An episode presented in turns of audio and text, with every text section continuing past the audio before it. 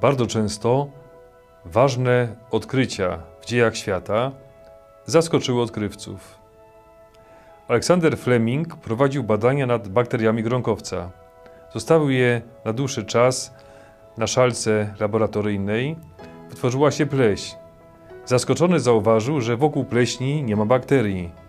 Odkrył penicylinę, która działa zabójczo na, bak na bakterie i stała się pierwszym antybiotykiem. Hans Christian Ersted miał bałagan na biurku. Pewnego razu podłączył jedno z urządzeń, a obok leżał kompas. Zauważył, że wskazówka kompasu się wychyliła. I tak odkrył oddziaływanie prądu elektrycznego na pole magnetyczne.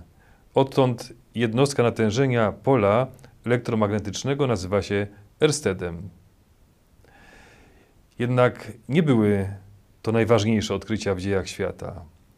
Najważniejsze odkrycie, które również zaskoczyło odkrywców, znajdujemy w dzisiejszej Ewangelii.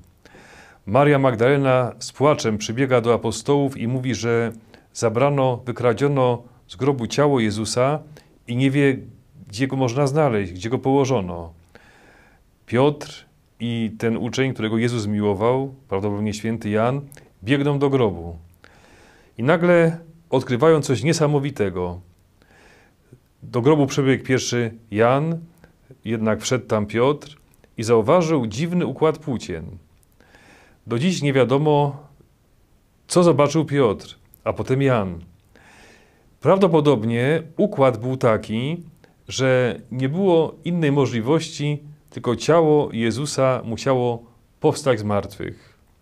Mówią niektórzy egzegeci, że prawdopodobnie płótna i opaski, które obowiązywały zmarłego Jezusa, były położone tak, jak gdyby nic się nie zmieniło, tylko w trójwymiarowej postaci nagle stało, stały się dwuwymiarowe, czyli leżały płasko, a chusta, która była na twarzy Jezusa, mogła jeszcze mieć kształt tej twarzy, jakby nie zdążyła całkiem opaść. Być może takie wrażenie odnieśli apostołowie, skoro byli przekonani, że Jezus powstał z martwych. Do tej pory nie rozumieli, co to znaczy. Teraz są zaskoczeni, można powiedzieć, zaskoczeni radością. Nie ma większego odkrycia w historii świata.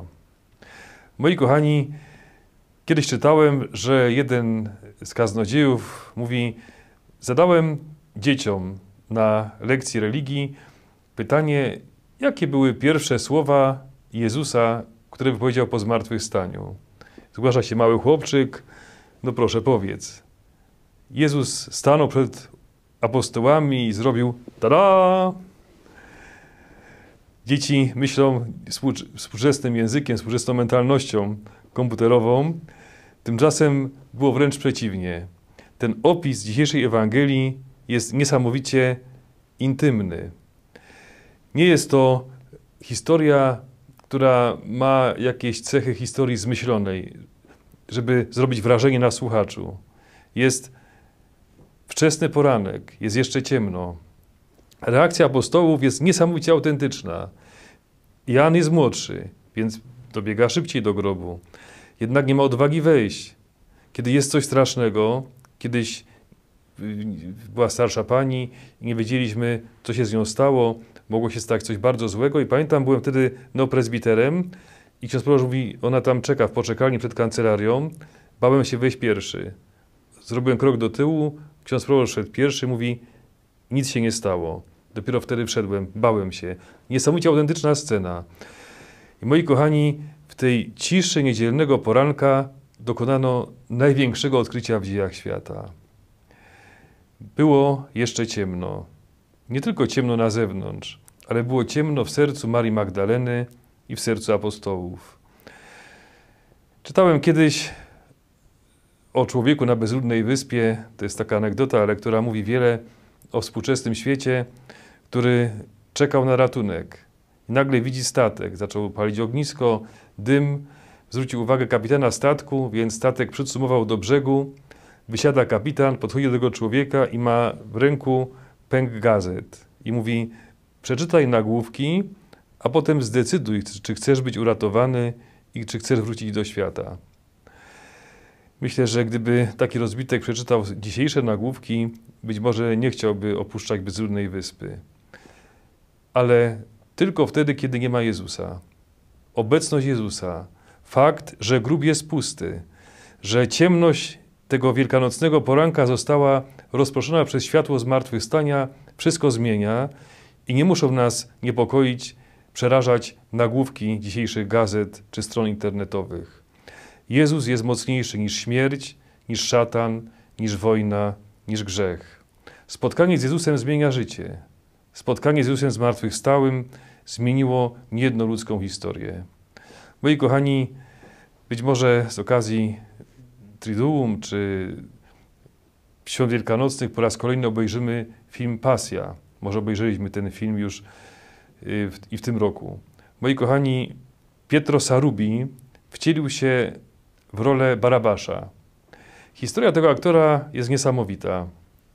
Mówi, że kiedy zadzwonił do niego Mel Gibson i poprosił o udział w jego kolejnym filmie, myślał, że to jest coś w rodzaju Nagiej Broni 5. Kiedy usłyszał, że jest to film o Jezusie, pomyślał, że pewnie zaproponują mu rolę świętego Piotra, bo ma na imię Piotr, Pietro i myślał o jednej z głównych ról. Zdziwił się.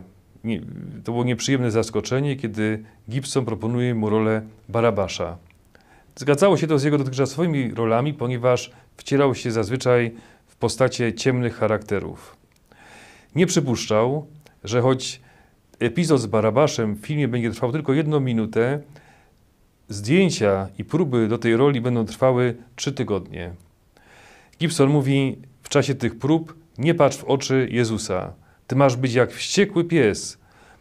W rolę Jezusa, jak wiemy, wcielił się znakomity aktor Jim Caviezel, który pościł przez kilka miesięcy i rzeczywiście przez poz modlitwę przygotował się do tej roli. Ma miejsce już teraz kręcenie zdjęć. Wszystko dzieje się na placu przed pałacem Piłata. I wtedy Barabasz dostał zgodę Gibsona, masz teraz popatrzeć w oczy Jezusa. Popatrzył w oczy Jezusa, właściwie aktora, Jima Caviezela i mówi, nie wiem, co się ze mną stało. Miałem popatrzeć tylko przez parę sekund, tymczasem nie potrafiłem oderwać swojego wzroku. Coś mnie przyciągało. Za oczami aktora widziałem jak gdyby inne oczy, jakiś wzrok, który patrzył przenikliwie i mnie przenikał. Nie potrafiłem oderwać wzroku i tylko czekałem, kiedy May Gibson, który do tej pory wiele razy to zrobił, zacznie krzyczeć: Zepsułeś mi całe zdjęcia. Jednak po trzech minutach, kiedy wreszcie udało mi się oderwać wzrok, Gibson bije, Gibson bije brawo i mówi: Wspaniale, lepiej tego nie mogłeś zagrać. I mówi Pietro Sarubi, że wrócił do domu, nie potrafił sobie z tym poradzić. Ciągle widział ten wzrok, ciągle czuł na sobie to spojrzenie. Powiedział o tym swojej żonie, nie mogła mu dać odpowiedzi. Zaczął się zastanawiać, nie mógł spać po nocach i mówi, i wreszcie zrozumiałem, czyje oczy wtedy na mnie patrzały. Teraz zawarłem ślub kościelny, sakramentalny, ochrzciłem trójkę swoich dzieci.